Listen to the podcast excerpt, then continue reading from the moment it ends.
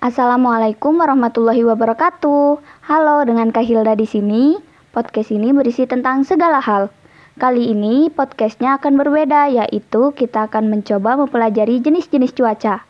Materi ini diperuntukkan untuk siswa kelas 3 SD dan materi ini ada pada tema 5. Tanpa lama-lama lagi, langsung saja yuk ke pembahasannya.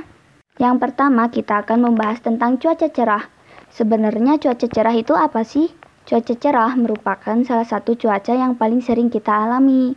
Cuaca cerah ini ditandai dengan matahari yang bersinar cerah, langit terang, awan yang ada di langit jumlahnya sangat sedikit, serta udara terasa hangat. Kondisi cuaca cerah ini biasanya ada di tengah musim kemarau, di mana tidak banyak uap air yang terbentuk menjadi awan karena jauh dari musim hujan.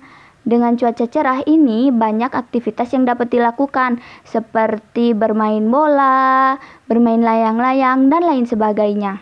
Sebenarnya masih banyak lagi ya kegiatan yang dapat dilakukan di saat cuaca cerah. Mungkin podcast kali ini sampai di sini dulu ya. Sampai bertemu di podcast selanjutnya.